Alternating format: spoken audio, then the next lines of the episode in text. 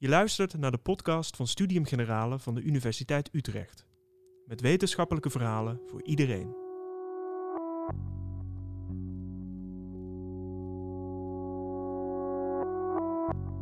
Herinneringen vormen ons tot wie we zijn. Toch laat neurologisch onderzoek zien dat ons geheugen niet altijd even betrouwbaar is. Ons brein vervormt herinneringen, verwijdert ze en is zelfs in staat om valse herinneringen te produceren. Wat moeten therapeuten met deze kennis? Kunnen we bouwen op ons geheugen? Luister naar Henry Otgaar, forensisch psycholoog aan de Universiteit Maastricht. Goedenavond allemaal. Mooi om hier te zijn in Utrecht, weer in een prachtige ruimte.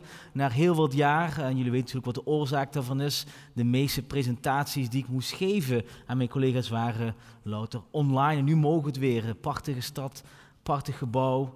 Uh, bijna zo mooi als de stad waar ik vandaan kom, Maastricht. Maar uh, ik ben blij om hier te zijn. En uh, waar ik het wel vandaag over ga hebben, is een thema dat heel gevoelig is. Um, aan de ene kant gaat het over herinneringen en trauma die mensen echt hebben meegemaakt. Maar het gaat ook over herinneringen en trauma die mensen niet hebben meegemaakt. Dat laatste is heel erg gevoelig voor sommige mensen. Maar ik wil vandaag echt jullie uh, deelgenoot maken van een wetenschappelijk onderzoek hiernaar. Uh, het thema is grip op tijd en natuurlijk onze herinneringen zijn eigenlijk een soort terugkeer naar onze kindertijd of toen we uh, in onze adolescentie waren. En waarschijnlijk de meeste van jullie herinneringen die jullie hebben, daar hechten jullie heel veel waarde aan. Ik zal jullie laten zien vandaag dat het kan zijn dat sommige van jullie zeer gekoesterde herinneringen helaas niet kloppen. En wat zegt dat dan over jezelf? En wat zegt dat dan over het besef van tijd die je hebt meegemaakt? Zoals gezegd, ik werk als rechtspsycholoog aan de Universiteit Maastricht. Uh, maar ook aan de KU Leuven. Ik werk bij de psychologiefaculteit, maar ook rechtenfaculteit. Ik zeg dat met klem, omdat mijn doel is om psychologie en recht goed met elkaar te verbinden. En jullie waarschijnlijk zien nog wel eens op tv of in kranten eigenlijk heel veel voorbeelden van die rechtspsychologie. En ik wil gewoon even snel wat voorbeelden noemen.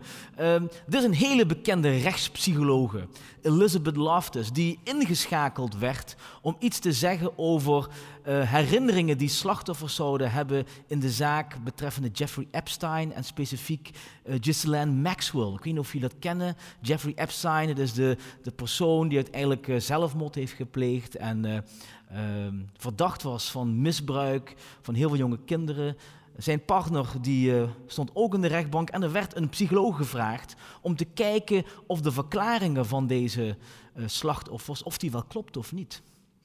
En zulke zaken zien we heel vaak. Zaken waarin gevraagd wordt of verklaringen van heel lang geleden wel kloppen of niet. En heel wat zaken, als ik daar een rol in speel, bijvoorbeeld zeggen we, of zeg ik dat het waarschijnlijk wel klopt, dat, er, dat die betrouwbaar zijn. Maar aan sommige zaken moet ik helaas soms zeggen dat er twijfels zitten rondom die herinneringen. En dat is belangrijk om te weten, want uh, zoals gezegd, de authenticiteit van herinneringen kan in de rechtszaal heel relevant zijn. Ik zou het zien vandaag dat er zaken zijn waarbij mensen onterecht in de gevangenis zijn beland op basis van herinneringen die later niet bleken te kloppen.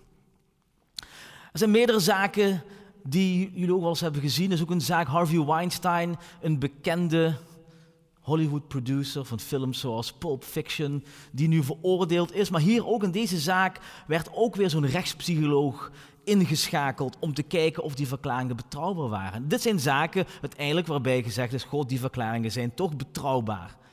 Maar er zijn ook zaken waarbij er toch wat meer twijfels zijn. Hier is een zaak. De zaak van Michael Jackson. Ik noem vaak Michael Jackson. Ik ben een groot fan van zijn muziek, nog steeds.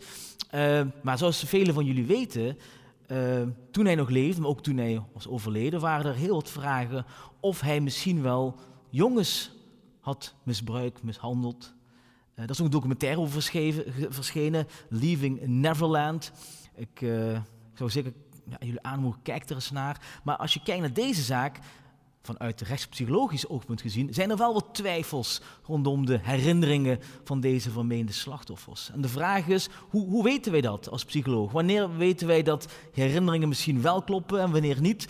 Daar gaan we het vandaag onder andere over hebben. Maar deze zaken zien we steeds meer. We noemen het ook wel historisch seksueel misbruikzaken. Dat gaat vaak over verklaringen over gebeurtenissen die misschien 10 jaar, 15 jaar geleden zo hebben plaatsgevonden.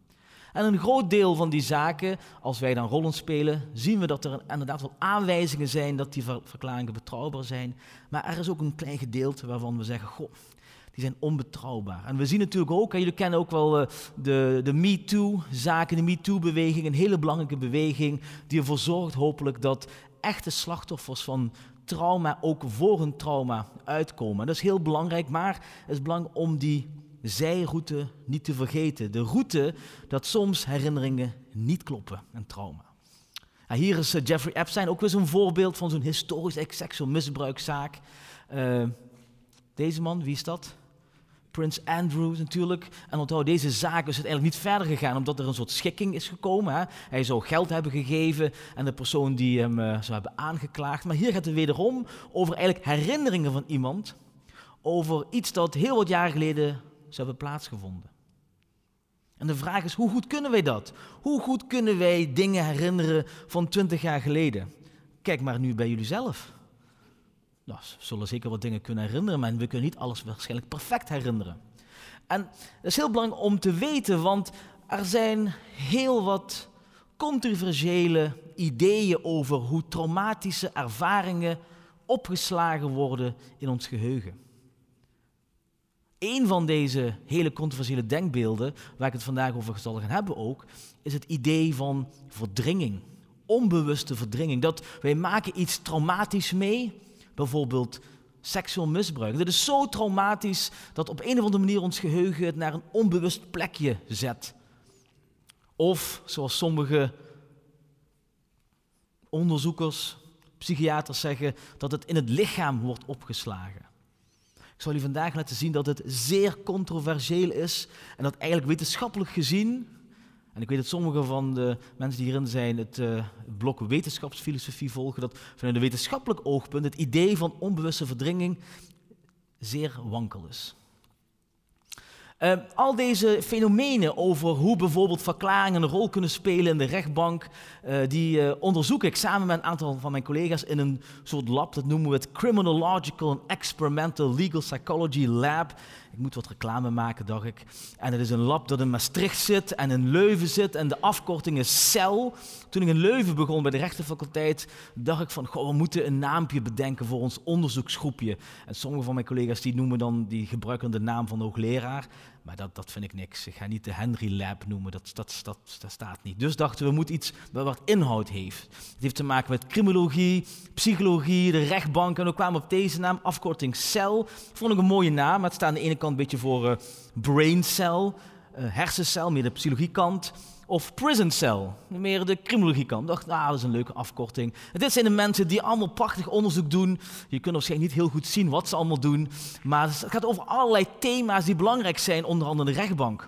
Seksueel misbruik, trauma, hoe moet je uh, slachtoffers interviewen, hoe moet je het niet doen, hoe kan drugs het geheugen beïnvloeden, et cetera, et cetera. We doen heel veel onderzoek daarnaar, onderwijs. En sommigen van ons, waaronder ik, zijn soms betrokken bij zaken waarin we gevraagd worden als deskundigen. Vandaag gaan we het hebben over het geheugen. Geheugen en traumatische ervaringen. Dat soms dat geheugen niet zo goed werkt. En dat soms er mensen zijn en dat soms ideeën de ronde doen dat herinneringen en trauma totaal verdrongen kunnen worden. En ik wil jullie vandaag laten zien dat dat idee van verdringing, dat noem ik een zombie-idee. En ik kom niet met die term zombie-idee, dat heeft iemand anders gedaan. Een zombie-idee is a, is a view that has been thoroughly refuted by a mountain of empirical evidence, but nonetheless refuses to die, being continually reanimated by our deeply held beliefs. Een idee dat, ondanks dat er zoveel wetenschappelijk onderzoek is gedaan, die zegt, goh, erg onwaarschijnlijk, blijft het toch leven. Heel veel mensen geloven erin en ik kan jullie zeggen, in de rechtbank kan het tot desastreuze gevolgen leiden. En mijn idee is verdringing is zo'n zombie-idee. En daar gaan we het vandaag over hebben, over twee dingen. Valse herinneringen en verdrongen herinneringen, onbewust verdrongen herinneringen. En ik zeg, ik heb het al in het begin gezegd, het is een gevoelig thema, omdat veel mensen, dat zul je daar zien, geloven bijvoorbeeld in verdringing. En um, ik wil jullie vandaag zien wat zegt de wetenschap hierover. Um, Het is belangrijk om te weten, want er is nog steeds een heel groot debat gaande over hoe trauma het geheugen beïnvloedt. Bijna wekelijks staan er wel uh, stukken in de krant, social media, online over hoe trauma het geheugen beïnvloedt. Hier is ook weer zo'n stuk uh, met wat je hier ziet, de memory war. Ik kom dadelijk op die term. Er is zo'n groot debat gaande al sinds de jaren 80, jaren 90 over hoe trauma het geheugen beïnvloedt. En dat debat is soms niet al te fijn voor mensen die daadwerkelijk slachtoffer zijn van misbruik. Want ja, eh, als je nou bij deze persoon bent die zegt dit, en als je bij deze persoon bent die zegt dat, ja, wat moet dan een echt slachtoffer van misbruik, wat moet hij dan wel geloven over hoe het geheugen werkt voor trauma? Nou, in dit praatje wil ik over twee dingen hebben. Eén, over het fenomeen valse herinneringen. En twee, over het debat over verdrongen herinneringen hoe die ook met elkaar gelinkt zijn. Hè. Je zult misschien nu denken, goh, ik snap niet wat heeft dat met elkaar te maken. Heel veel en uh, ook weer heel weinig. En daar gaan we het vandaag ook allemaal over hebben. Maar eerst moet ik mijn lieve collega vragen uh, om het volgende te doen. Jullie moeten zo, om, ik wil jullie iets laten, uh, een experimentje eigenlijk met jullie doen, omdat ik wil laten zien aan jullie hoe het geheugen werkt. Heel belangrijk, want ik kan je van alles vertellen, maar als je niet ziet, zelf ziet hoe het geheugen werkt, ja, dan is dat alleen maar hele droge stof. Wat jullie moeten doen? Jullie gaan zo naar een filmpje kijken. En jullie zijn zeg maar uh, getuigen nu. Je zijn getuigen. Ik ben de politieman. En ik ga jullie zo wat vragen stellen. Heel kort. En dat filmpje, als je het filmpje hebt gezien, zeg alsjeblieft niet tegen je buurman of buurvrouw. Heb je niet gezien, geniet ervan. Ik zou zeggen, zet hem aan. Ja. Clearly, somebody in this room murdered Lord Smythe. Who? At precisely 3.34 this afternoon was brutally bludgeoned to death with a blunt instrument. I want each of you to tell me your whereabouts at precisely the time that this dastardly deed took place. I was polishing the brass in the master bedroom. I was buttering his lordship's scones below stairs, sir. Why, I was planting my petunias in the potting shed. Constable, arrest Ladies. Goed, ja, we stoppen even hier. Dit, jullie kennen het spel Cluedo. Kennen jullie allemaal? Dit is een soort Cluedo-achtig filmpje. Iemand is vermoord, waarschijnlijk. En de vraag is, hoe dan het? Wie heeft het gedaan? Nou, even snel, ik ben even een politieman. Kunt u me eens vertellen, wat heeft u gezien? Volgens mij zijn alle mensen veranderd. U zegt, alle mensen zijn veranderd. En meneer hier met de, met de bril, heeft u nog iets anders gezien? Helemaal niks. Nou, inderdaad, er zijn dingen veranderd. Niet de mensen. Er zijn dingen veranderd tijdens het filmpje. Misschien een paar mensen. En ehm, de vraag is: hebben jullie dat gezien? En ik ga jullie waarschijnlijk nu al verklappen dat de meesten van jullie hebben het dus niet gezien. Dat er allemaal dingen zijn veranderd. En gaan we eens kijken hoeveel dingen zijn veranderd. Laat maar eens uh, verder gaan. Did you know? Madam, as any horticulturist will tell you, one does not plant petunias until May is out. Take her away. It's just a matter of observation. The real question is how observant were you? 21 dingen zijn veranderd tijdens het filmpje. Laten we maar eens kijken. En niet alleen mensen, maar nog heel veel andere dingen. Somebody in this room murdered Lord Smythe, who, at precisely 3.34 this afternoon, was brutally bludgeoned to death with a blunt instrument. I want each of you to tell me your whereabouts at precisely the time that this dastardly deed took place. I was polishing the brass in the master bedroom. I was buttering his lordship's scones below stairs, sir. Why, I was planting my petunias in the potting shed. Constable, arrest Lady Smythe. Goed. Zoals jullie zien zijn zoveel dingen veranderd. Zelfs vrij centrale details. De persoon die op de grond lag. Tot uh, de jas van de, van de rechercheur. Wat zegt dat over ons geheugen? Wat zegt dat over wat jullie herinneren? Dat zegt, naar mijn mening, het volgende. Wat wij meemaken is niet hetzelfde als wat wij herinneren. Dus jullie maken van alles mee, ook vandaag. Hopelijk hebben jullie een leuk college vandaag, of lezing vandaag. Maar jullie zullen daar zeker niet alles van herinneren. Wij maken een selectie van wat belangrijk is voor ons. En we gaan ook heel veel dingen missen. Betekent ook niet dat ons geheugen super slecht werkt, gelukkig niet. Ik bedoel, het zou heel erg zijn als onze herinneringen zo onbetrouwbaar zijn. Hè? De boodschap vandaag is ook, onze, onze herinneringen zijn eigenlijk hartstikke betrouwbaar, maar ze zijn niet perfect. Er bestaat ook niet zoiets als een fotografisch geheugen. Want als dat zo zou zijn, zouden toch een aantal van jullie perfect dit allemaal hebben gezien. Maar dat zien we niet. Dit, dit, fenomeen heet trouwens in de psychologie change blindness. We zijn blind voor subtiele veranderingen in ons veld, maar voor geheugenpsychologen zoals ik betekent het eigenlijk, goh, wij nemen niet alles uh, op in ons uh, brein, in ons geheugen, alleen maar een selectie wat voor ons belangrijk is. Ik kon nog een ander testje met jullie doen. Een super simpel testje. Ik ga zo'n aantal woorden opnoemen en jullie moeten die onthouden, zoals vroeger op de basisschool of middelbare school. Gewoon onthouden. Niet, niet opschrijven, dames, maar onthouden. En daarna ga ik wat vragen stellen daarover. Goed, ik kan ze niet onthouden, dus ik heb ze hier voor me liggen. Dus ik ga ze oplezen en jullie moeten ze goed onthouden. Hier komen ze. Tranen, verdriet, lachen, janken, baby, schreeuwen, brullen, gejank, nat, wenen. Wat waren ze? Heeft ze allemaal onthouden, mevrouw? Was allemaal onthouden. Dan gaan we testen. We gaan een testje doen. Ik ga zo wat woorden op het eh, scherm eh, projecteren. En uh, steek gewoon je vinger op als je denkt dat je het woord hebt gehoord. Gewoon doen, niet naar je buurman, buurvrouw kijken. is jouw taak, je individuele taak. Gewoon als je denkt dat je het hebt gehoord al, steek je vinger op. Goed, dan gaan we beginnen. Tranen, wie heeft het gehoord? Goed, ik, u steekt uw hand niet op, maar... Oh, oké, goed, oké. Het zou heel gek zijn als je dat niet hebt onthouden. Um, verdriet, wie heeft dat gehoord? Ja, klopt ook. Tafel. Zou gek zijn als dan ook mensen hun handen zo opsteken. Maar inderdaad, niet ge, heb ik niet, niet gezegd. Huilen, wie heeft dat gehoord? Nou, ongeveer toch de helft, ja. En bed. Hey, grappig, hè? Met dat woord huilen, ongeveer de helft stak zijn vinger op. Ik heb dat woord niet gezegd. Ik heb niet huilen gezegd. En dat is nu zo'n voorbeeld van zo'n valse herinnering, een pseudo-herinnering. Sommigen van jullie die dachten, ja huilen, volgens mij heb ik het gehoord. Of ik heb het zeker gehoord. En zo werkt ons geheugen. Wij maken soms links en soms supersnel. In een paar seconden maak je een incorrecte link, een foute link. En dat kan leiden zo tot een valse herinnering van iets heel onschuldigs. Maar ik laat je dadelijk zien, dat kan ook over helaas heel wat ernstigs gaan. Als het zo snel en zo makkelijk kan, kan ik, zal ik u laten zien dat onder wat meer druk het helaas ook onder, uh, met, wat, wat ernstige gebeurtenissen kan gaan.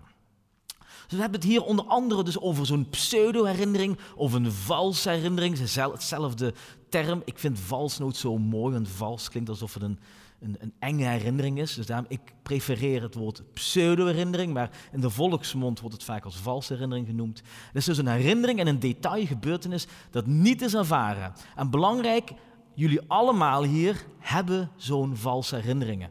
Jullie weten het niet, omdat valse herinneringen, die worden gewoon ervaren als echte herinneringen.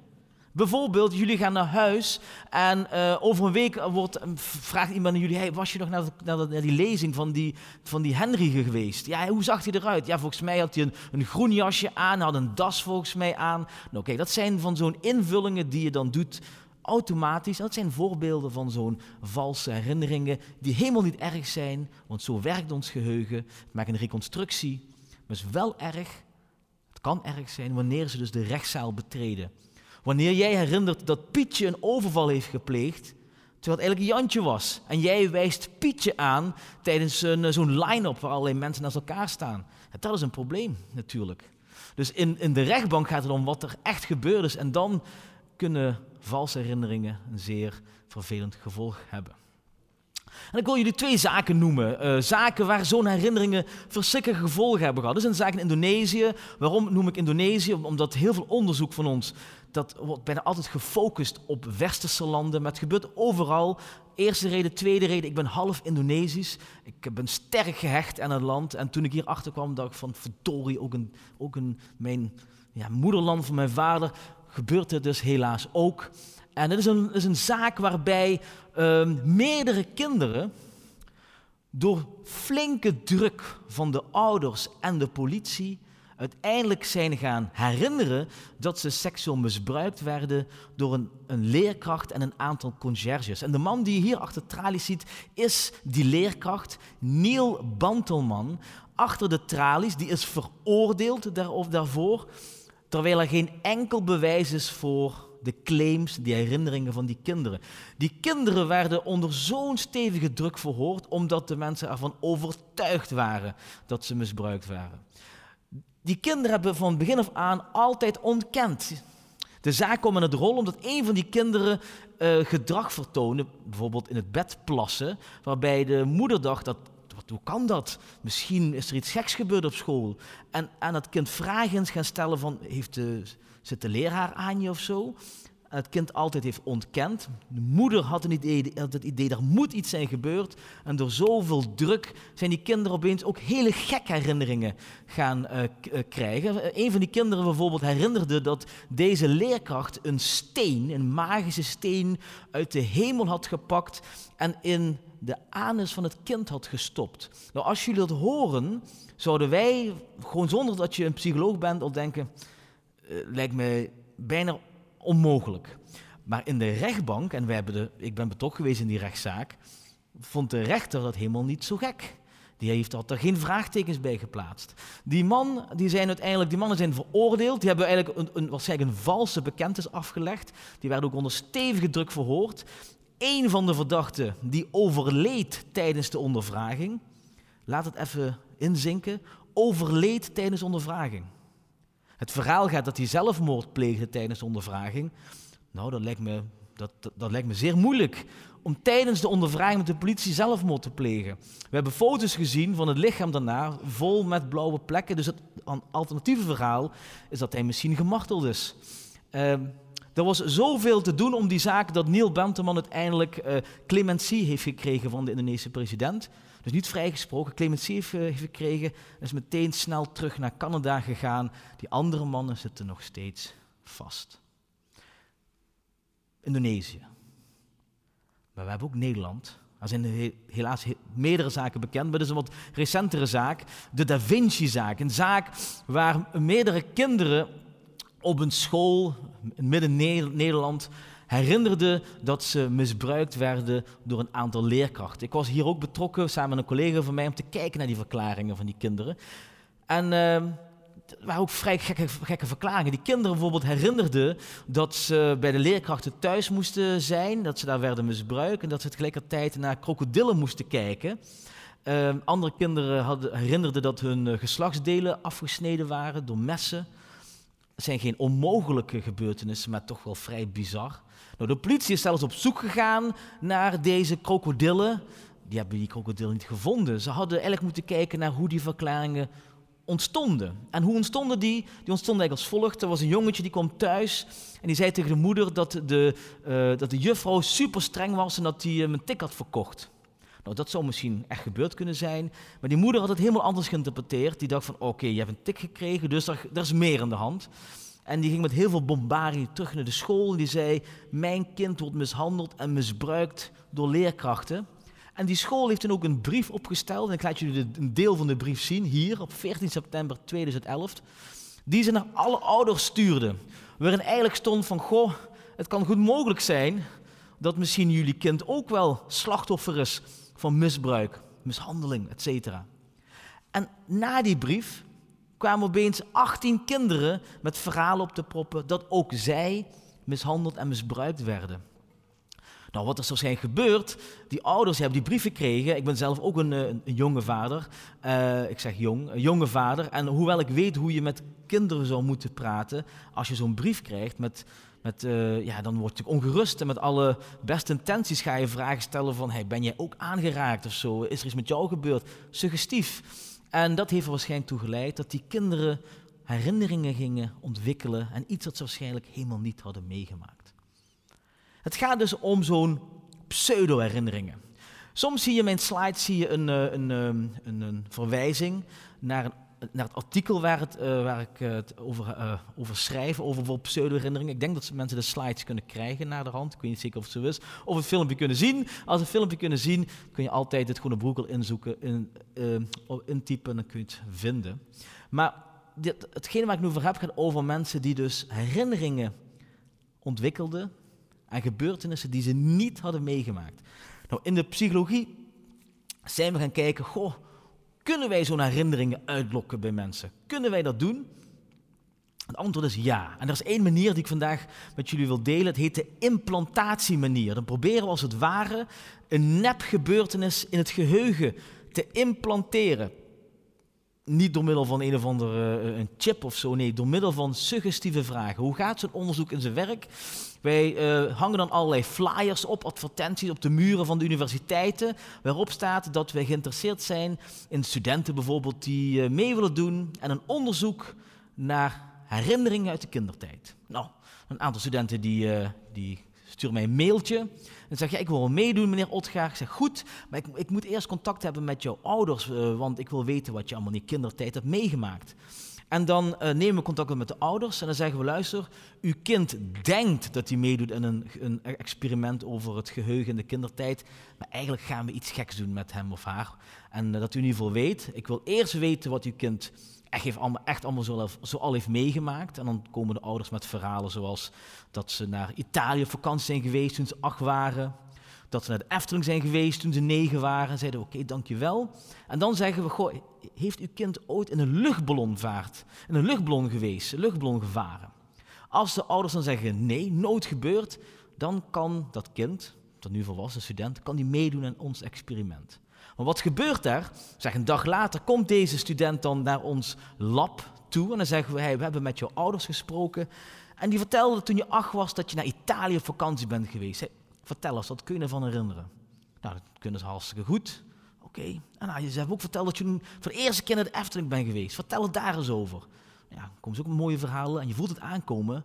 Wat we dan zeggen is, nou, jouw ouder vertelde ook dat toen je acht was, dat je een luchtballon bent geweest. Heb je een luchtballon gevlogen? Vertel eens daarover wat je daarvan kunt herinneren. De vraag is, gaan zo'n slimme, gezonde proefpersonen, gaan die mee met deze suggestie? Het eerste onderzoekje van uh, begon in 1995 en ik, ik weet, in geval degene die dat experiment begon, dat heel veel collega's van haar zeiden, daar gaan studenten niet in mee. Maar onderzoek laat zien dat ongeveer 30%, ik kom daar nog met een ander percentage, van volwassen mensen uiteindelijk meegaat met deze suggestieve vraag. Na zeg twee, drie keer geïnterviewd te worden, zeggen ze: Ja, inderdaad, ik heb in een luchtballon gevlogen.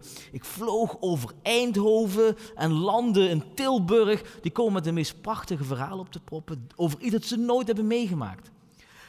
En het interessante is, als je daarna tegen ze zegt, hey, luister, dat verhaaltje de luchtballon, dat hebben we jou wijs gemaakt, dan ziet ongeveer een derde tot een helft van deze volwassen proefpersonen dan zegt, nee man, ik heb dat echt meegemaakt, ik weet het zeker. Wat laat zien hoe gevaarlijk suggestieve vragen kan zijn voor het geheugen en hoe makkelijk je daarin mee kunt gaan.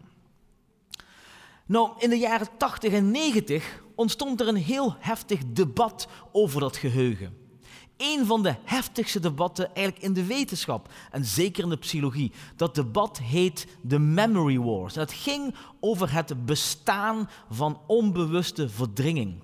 Waarom? Er waren toen er tijd heel wat zaken die over het volgende gingen. Een patiënt die last had van allerlei klachten, bijvoorbeeld angst, depressieve klachten, niet wetende hoe, ging in therapie de therapeut zei van, goh, die klachten wat u heeft, die kunnen misschien komen doordat u, een, dat, dat u ooit in uw kindertijd misbruikt bent. Herinnert u dat? Nee, herinner ik me niet. Nou, dat komt omdat u het bent. U hebt het verdrongen. Dus ik ga u helpen die herinnering op te halen. En dat deden ze dan soms met heel veel suggestieve invloeden. Door te zeggen van, God, moet wel gebeurd zijn. We gaan uw dromen analyseren. Uh, u moet uh, opschrijven dat u misbruikt bent. En die dat debat was dat er eigenlijk aan één kant er dus mensen waren die zeiden, ja, dat trauma kan leiden tot verdringing. Terwijl aan de andere kant er psychologen waren die zeiden, luister, eigenlijk wat wij zien is dat traumatische gebeurtenissen juist goed worden herinnerd. Er is geen wetenschappelijke ondersteuning voor verdringing.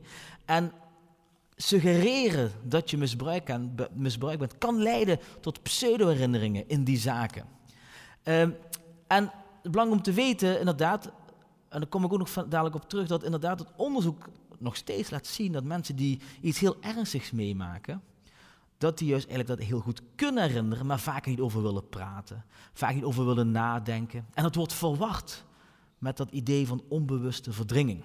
Dan kom ik daar op het een verhit debat en wij dachten dat het debat zo goed als gedaan was, maar vandaag laat ik zien dat er helaas een grote terugkeer is van het debat met alle gevolgen van dien. Het gaat dus over dat idee van verdringing. Een fenomeen dat traumatische herinneringen onbewust worden opgeslagen. Dus je maakt iets ernstigs mee. Ik noem bijvoorbeeld misbruik, want daar ging het vaak over. En dat is zo heftig voor jou, dat jouw geheugen zegt, luister, we maken wel een herinnering eraan, maar het wordt wel meteen ergens onbewust opgeslagen. Het zou een soort verdedigingsmechanisme zijn.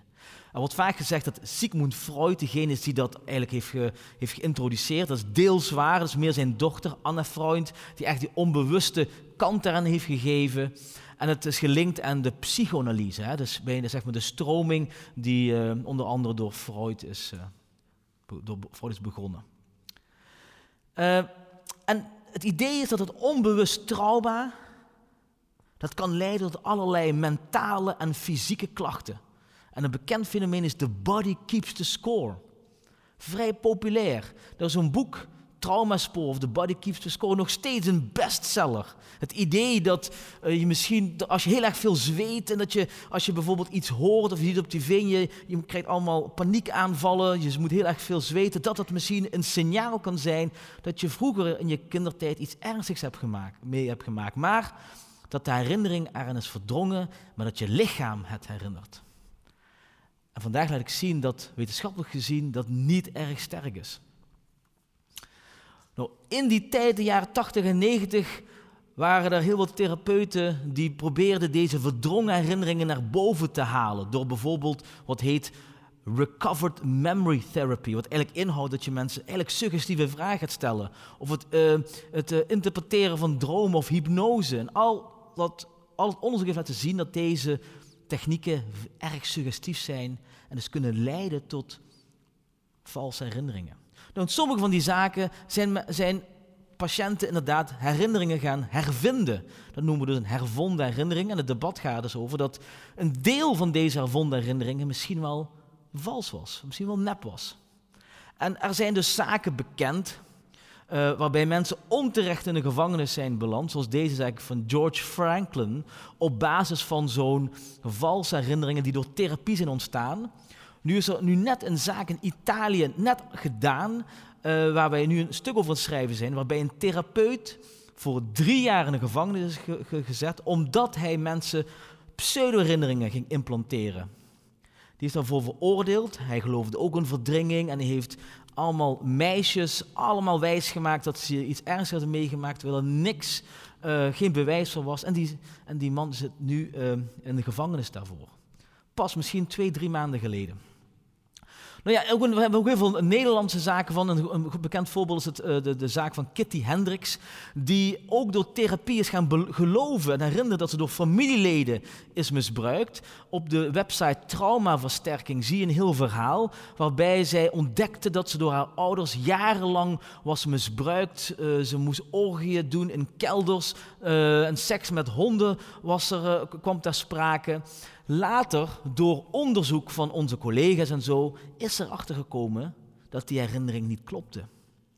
Wij noemen het ook wel een herroeper, een retractor. Iemand die zijn herinnering intrekt.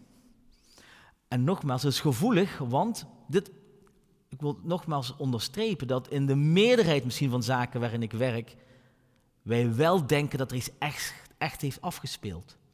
Ik heb het nu over deze kleine selectie van zaken waarbij valse herinneringen een rol spelen. In 2004 is er door de Gezondheidsraad in Nederland ook een heel document opgesteld met de titel Omstreden herinneringen over de gevaren in bijvoorbeeld therapie en hoe die tot zo'n valse herinneringen kunnen leiden. En wij dachten dat het eigenlijk wel gedaan was. Goh, iedereen weet het wel. We dachten van, goh, weet je, iedereen weet wel dat suggestie tijdens therapie kan leiden tot zo'n valse hervonden herinneringen. Ehm, maar het, het debat is nog steeds gaande. Het is belangrijk om te weten dat buiten zo'n hervonden herinneringen die, die door eh, suggestieve vragen kunnen eh, ontstaan. Dat er ook zogenoemde spontane hervonden herinneringen zijn. Dat kan bijvoorbeeld zijn, dat zie je ook zie je vaak eh, in, het, in de, het verhaal van de Rooms-Katholieke Kerk. Dat zijn die verhalen waarbij mensen nu vooruitkomen dat ze vroeger door bijvoorbeeld een pastoor onzedelijk zijn betast. Die gaan dan na jaren terug naar huis, gaan naar de kerk waar ze vroeger naartoe gingen. En opeens plots een herinnering naar boven komt dat ze aangeraakt misschien waren. Dat zijn spontaan hervonden her- herinneringen. Mensen zeggen, god, dat laat toch zien dat dat eh, verdringing is? Nee, dat is geen bewijs voor verdringing. Het is heel normaal dat je soms over heel wat jaren, misschien over bepaalde gebeurtenissen, niet nadenkt. Ehm, en dat ze opeens, eh, als je door een bepaalde cue opeens weer eraan gaat nadenken, wil niet zeggen dat de herinnering helemaal weg is. Het kan ook zijn dat je bepaalde dingen bent vergeten, of je wil er niet over praten, je wil er niet over nadenken, maar dat is geen bewijs voor verdringing. En, ehm, en daarom is het belangrijk om te weten dat in het debat over herinneringen en het idee van dat er hervonden herinneringen zijn, moeten we goed beseffen dat er eigenlijk verschillende varianten zijn. Hervonden herinneringen die ontstaan doordat een therapeut bijvoorbeeld stevig iemand suggestief bevraagt. Ook spontaan hervonden herinneringen kunnen plaatsvinden die misschien gewoon echt zijn. Maar het kan ook komen doordat iemand die heel jong was en door iemand wordt betast, niet wist dat dat niet mocht en dat dat heel ernstig was. En pas jaren later die gebeurtenis is gaan herinterpreteren. Dat is ook wel heel wat onderzoek. A new solution to the recovered memory debate. Het idee dat mensen dus pas jaren later erachter komen dat die herinnering wat ze hebben eigenlijk veel emotioneel negatiever is dan zij voorheen dachten. En die verandering in emotionaliteit aan jouw herinnering, die kan voelen als dat je het hebt verdrongen, maar het is geen bewijs voor verdringing. Zoals ik zei, en dat is eigenlijk het laatste deel van mijn praatje, er is helaas een terugkeer van het flinke debat, de Memory Wars. En ik wil jullie een aantal dingen laten zien en ik vind het belangrijk om jullie daar deelgenoot van te maken, want wij komen heel veel van die dingen tegen in het nieuws. En zeker ook nu is het belangrijk, hè? in Nederland zien we heel wat voorbeelden, bijvoorbeeld The Voice of Holland, waarbij ehm, slachtoffers misschien heel wat jaar geleden iets hebben meegemaakt. En ik denk dat de kans heel groot is dat ze ook iets hebben meegemaakt. Maar de vraag hier gaat om hoe betrouwbaar zijn die verklaringen, hoe zijn die verklaringen ontstaan. Dat is heel belangrijk, want als je daar verkeerde ideeën over kan hebben, kan het gevolgen hebben voor deze misschien echte slachtoffers. Er zijn een aantal aanwijzingen waarom dat debat terug is. Eén is eh, dat heel wat mensen zeer kritisch zijn over die pseudo-herinneringen. Bestaan die wel, die pseudo-herinneringen? En eigenlijk zijn er twee eh, kritiekpunten. Eén, hoeveel mensen zijn nou eigenlijk vatbaar voor die pseudo-herinneringen? Of wel de prevalentie van pseudo-herinneringen? En twee, dat onderzoek wat er gedaan wordt, zegt het wel iets over pseudo-herinneringen in in de werkelijkheid, in het dagelijks leven. Dan gaat het over de ecologische validiteit. Nou, als we het hebben over prevalentie, hoe vaak, eh, hoeveel mensen zijn vatbaar voor die pseudo-herinneringen? Een van de eerste studies, 2002, door Nieuw-Zeelandse collega's van mij, die vonden dat ongeveer 30% van proefpersonen vatbaar zijn voor pseudo-herinneringen. Nou, dat vind ik redelijk wat. Onthoud, ook al zou het voor mij wat 2% zijn, nog steeds een probleem. Hè? Dus, want eh, stel die, dat, die persoon komt in de rechtbank terecht, is een probleem natuurlijk. Maar 30% dat vonden we wel vrij veel. Nou, in, in 2015 waren een aantal onderzoekers die hebben nog een keer naar al het onderzoek gekeken en die zeiden, hey, die 30%, dat is, dat is een totale overschatting. Dat is eigenlijk maar 15%. Veel kleiner en jullie psychologen, jullie geheugenpsychologen moeten niet zo hard van stapel lopen. Dat is helemaal niet zo'n erg probleem. Nou, ik heb nog nooit zo'n groot debat gezien, want de manier hoe dit geanalyseerd was, er waren heel mankementen aan. ehm, en je moet je voorstellen dat onderzoek naar hoe pseudo-herinneringen ontstaan, elke onderzoeksgroep doet dat net ietsjes anders. Helaas. Hè, dat is ook weer eh, inzicht die we nu hebben. Iedereen probeert natuurlijk zo goed mogelijk te doen. Maar als je kijkt tussen de studies, zitten er kleine variaties in. Dus je kunt niet zomaar die studies op een hoop gooien en dan kijken, ah, 15%. Dat gaat niet. En eh, daar hebben dus heel veel mensen kritiek op gehad. Ik ga, laat jullie eventjes wat artikelen de revue passeren. Van ene Henry Otgaar en allerlei andere mensen die zeiden, maar er klopt iets niet met dat artikel. En toen is er gedacht, weet je wat, we gaan het overnieuw doen. We gaan nog een keer goed kijken naar alle studies en we gaan ze allemaal op dezelfde manier analyseren. En dat is deze studie van mijn collega Scoboria, die helaas pas geleden overleden is. En die vond uiteindelijk dat tussen de 30 en bijna 50 procent van proefpersonen in deze studies vatbaar zijn voor zo'n pseudo-herinneringen. onder condities, omstandigheden die nog steeds niet zo erg zijn zoals we ze in rechtszaken zijn. Hier, onze, in ons onderzoek eh, mogen ze vaak maar twee of drie keer interviewen, niet te veel druk geven, maar zaken die wij zien, hè, bijvoorbeeld Italiaanse zaak, waar een meisje bijna 14 tot volgens mij 18 keer stevig ondervraagd, uren achter elkaar. Dan kun je je wel voorstellen hoe groot die kans dan wordt. Een ander kritiekpunt is het idee van, eh, zeggen die, die studies wel iets over hoe pseudo-herinneringen dagelijks leven ontstaan. Dan hebben we het over ecologische validiteit.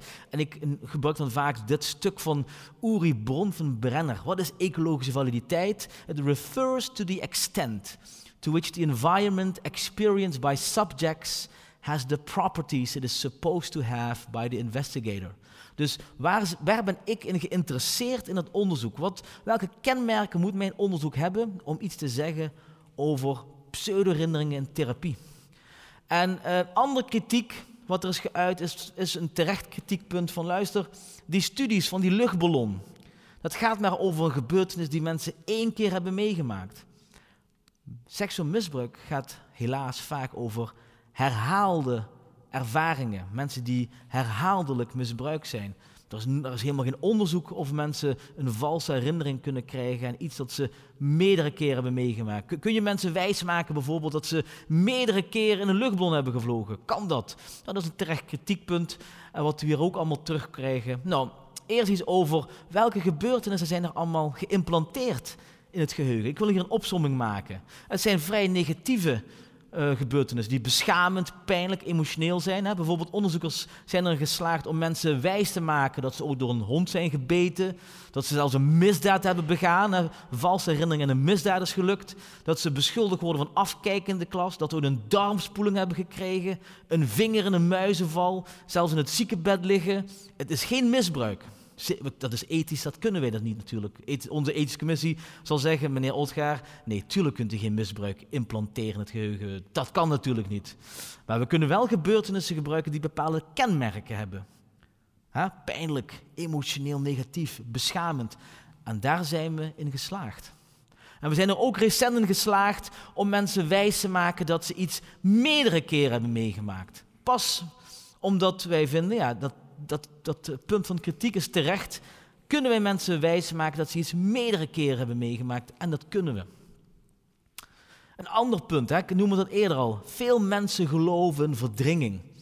En wij dachten, goh, door al het onderzoek in de jaren negentig zullen mensen toch niet meer zoveel geloven in verdringing. Mensen zullen toch wel iets kritischer zijn op dat, op dat thema, op dat onderwerp. Nou, we hebben wat studies erover gedaan. We hebben alle studies, vragenlijststudies op een hoop gegooid.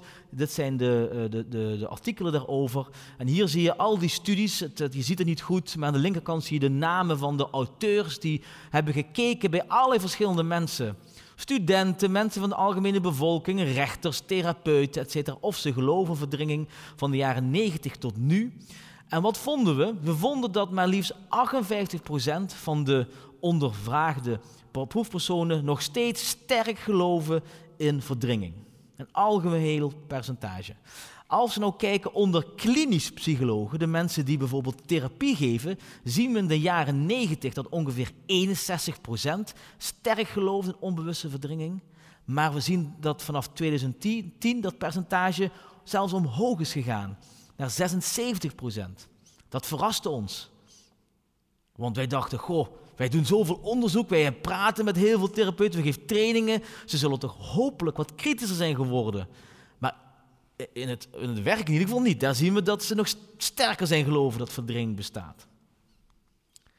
En het gaat dus echt om een onbewuste verdringing. Unconscious repressed memory. Ja, Echt het idee dat die herinnering en trauma ergens op een onbewust niveau sluimert. Dat is het controversiële punt. En waarom het zo controversieel is, als we het hebben over wetenschapsfilosofie, waar een aantal studenten misschien hier of thuis nu eh, eh, eh, aan het luisteren zijn naar deze lezing. Ehm, heel veel mensen weten waarschijnlijk, als je een bepaalde theorie hebt of een idee hebt, dan moet je het kunnen toetsen. Je moet het kunnen toetsen. Als je niet kunt toetsen, dan is het een, niet echt een hele sterke theorie. Nou, het idee van onbewuste verdringing kun je al niet toetsen. Want het is, het is er niet, het is onbewust, het, je weet niet waar het is. De enige manier om het te toetsen is als de herinnering terugkomt. Maar ja, dan is het niet meer verdrongen. Dus het idee van verdrongen herinnering vanuit wetenschapsfilosofie is niet erg sterk. Een ander probleem is dat sommige mensen niet praten over verdringing, maar die praten over iets dat eigenlijk precies hetzelfde is als verdringing. En dit staat zelfs in zeg maar, de Bijbel van stoornissen in de psychologie, de DSM. En dat heet dissociatieve amnesie.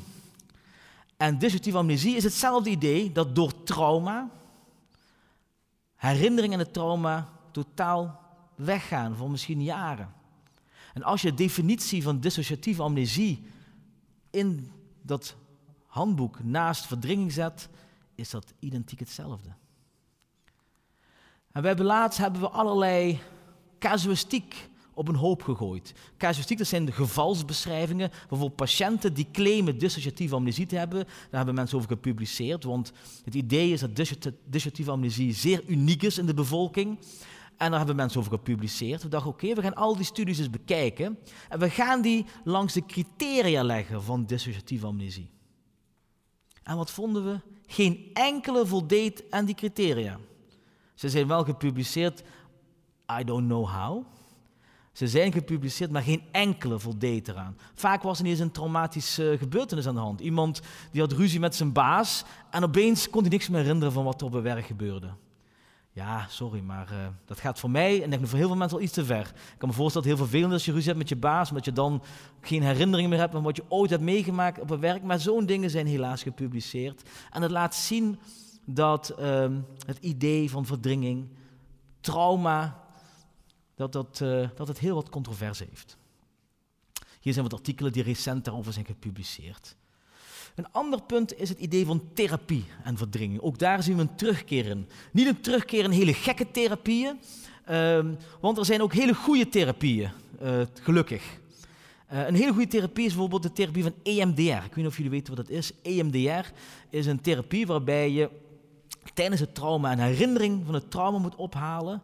En tijdens het ophalen gaat de therapeut bijvoorbeeld met zijn of haar vinger in je gezichtsveld uh, bewegen.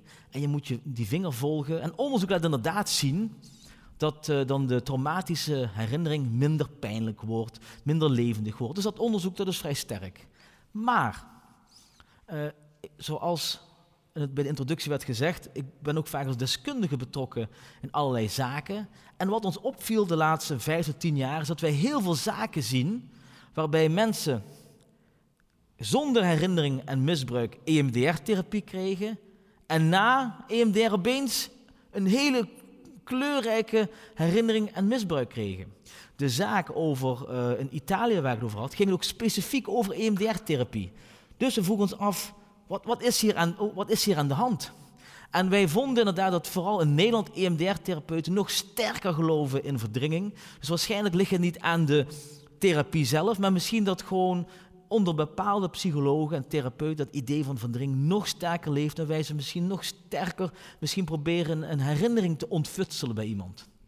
Nou, ook recent onderzoek heeft ook wel eens gevraagd aan mensen van de algemene bevolking: Goh, uh, gaan jullie naar therapie? Zijn jullie ook naar therapie geweest? En heeft jullie therapeuten ooit tegen jullie gezegd dat jullie een verdrongen herinnering hebben? Is recent onderzoek van Lawrence Patias en Mark Pendergrast.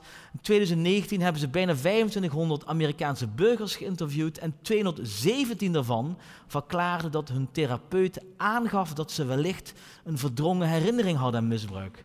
En 122 daarvan hebben uiteindelijk een, een herinnering hervonden, doordat de therapeut dus iets suggereerde aan hun en 122 van hun uiteindelijk een herinnering kregen die ze eerder niet hadden. Je moet je voorstellen, stel daar zou misschien maar een tiende naar de rechtbank gaan, heb je tien zaken waar misschien iemand valse, een valse aanklacht kan zijn van iemand die misschien helemaal niks heeft gedaan. Nou, dit is het punt van EMDR waar ik over zei, hè, dat er dus uh, aanwijzingen zijn dat soms EMDR kan zorgen, misschien wel tot pseudo-herinneringen, of dat deze therapeuten nog sterker geloven in het idee van verdringing. We hebben een recent heel overzichtsartikel geschreven over dat we inderdaad in veel zaken EMDR-therapie tegenwoordig zien en mogelijke valse herinneringen. En dat er dus meer onderzoek moet komen naar hoe zit dat nou precies, wat is hier aan de hand. En we zien als laatste zien we het terug in de rechtbank. We zien dat het hele debat over verdringing helemaal terug is in de rechtbank. In Nederland heb je het vrij goed geregeld. Heb je een website, dat heet rechtspraak.nl. Daar kun je naar heel wat zaken kijken. Dan staat vrij goed gedocumenteerd wat de rechter zou hebben gezegd, wat misschien deskundigen zou hebben gezegd. En we hebben de afgelopen jaren hebben eens, eh, gespeurd naar termen zoals eh, verdringing, hervonden herinnering, dissociatieve amnesie. En we zien dat deze termen in toenemende mate worden gebruikt in deze zaken. Kijk, dus als dat debat weg was, dan zou je zeker geen toename zien. Maar wij zien een toename van deze termen in zaken, waarbij bijvoorbeeld deskundigen zeggen dat hier sprake is van een verdrongen herinnering.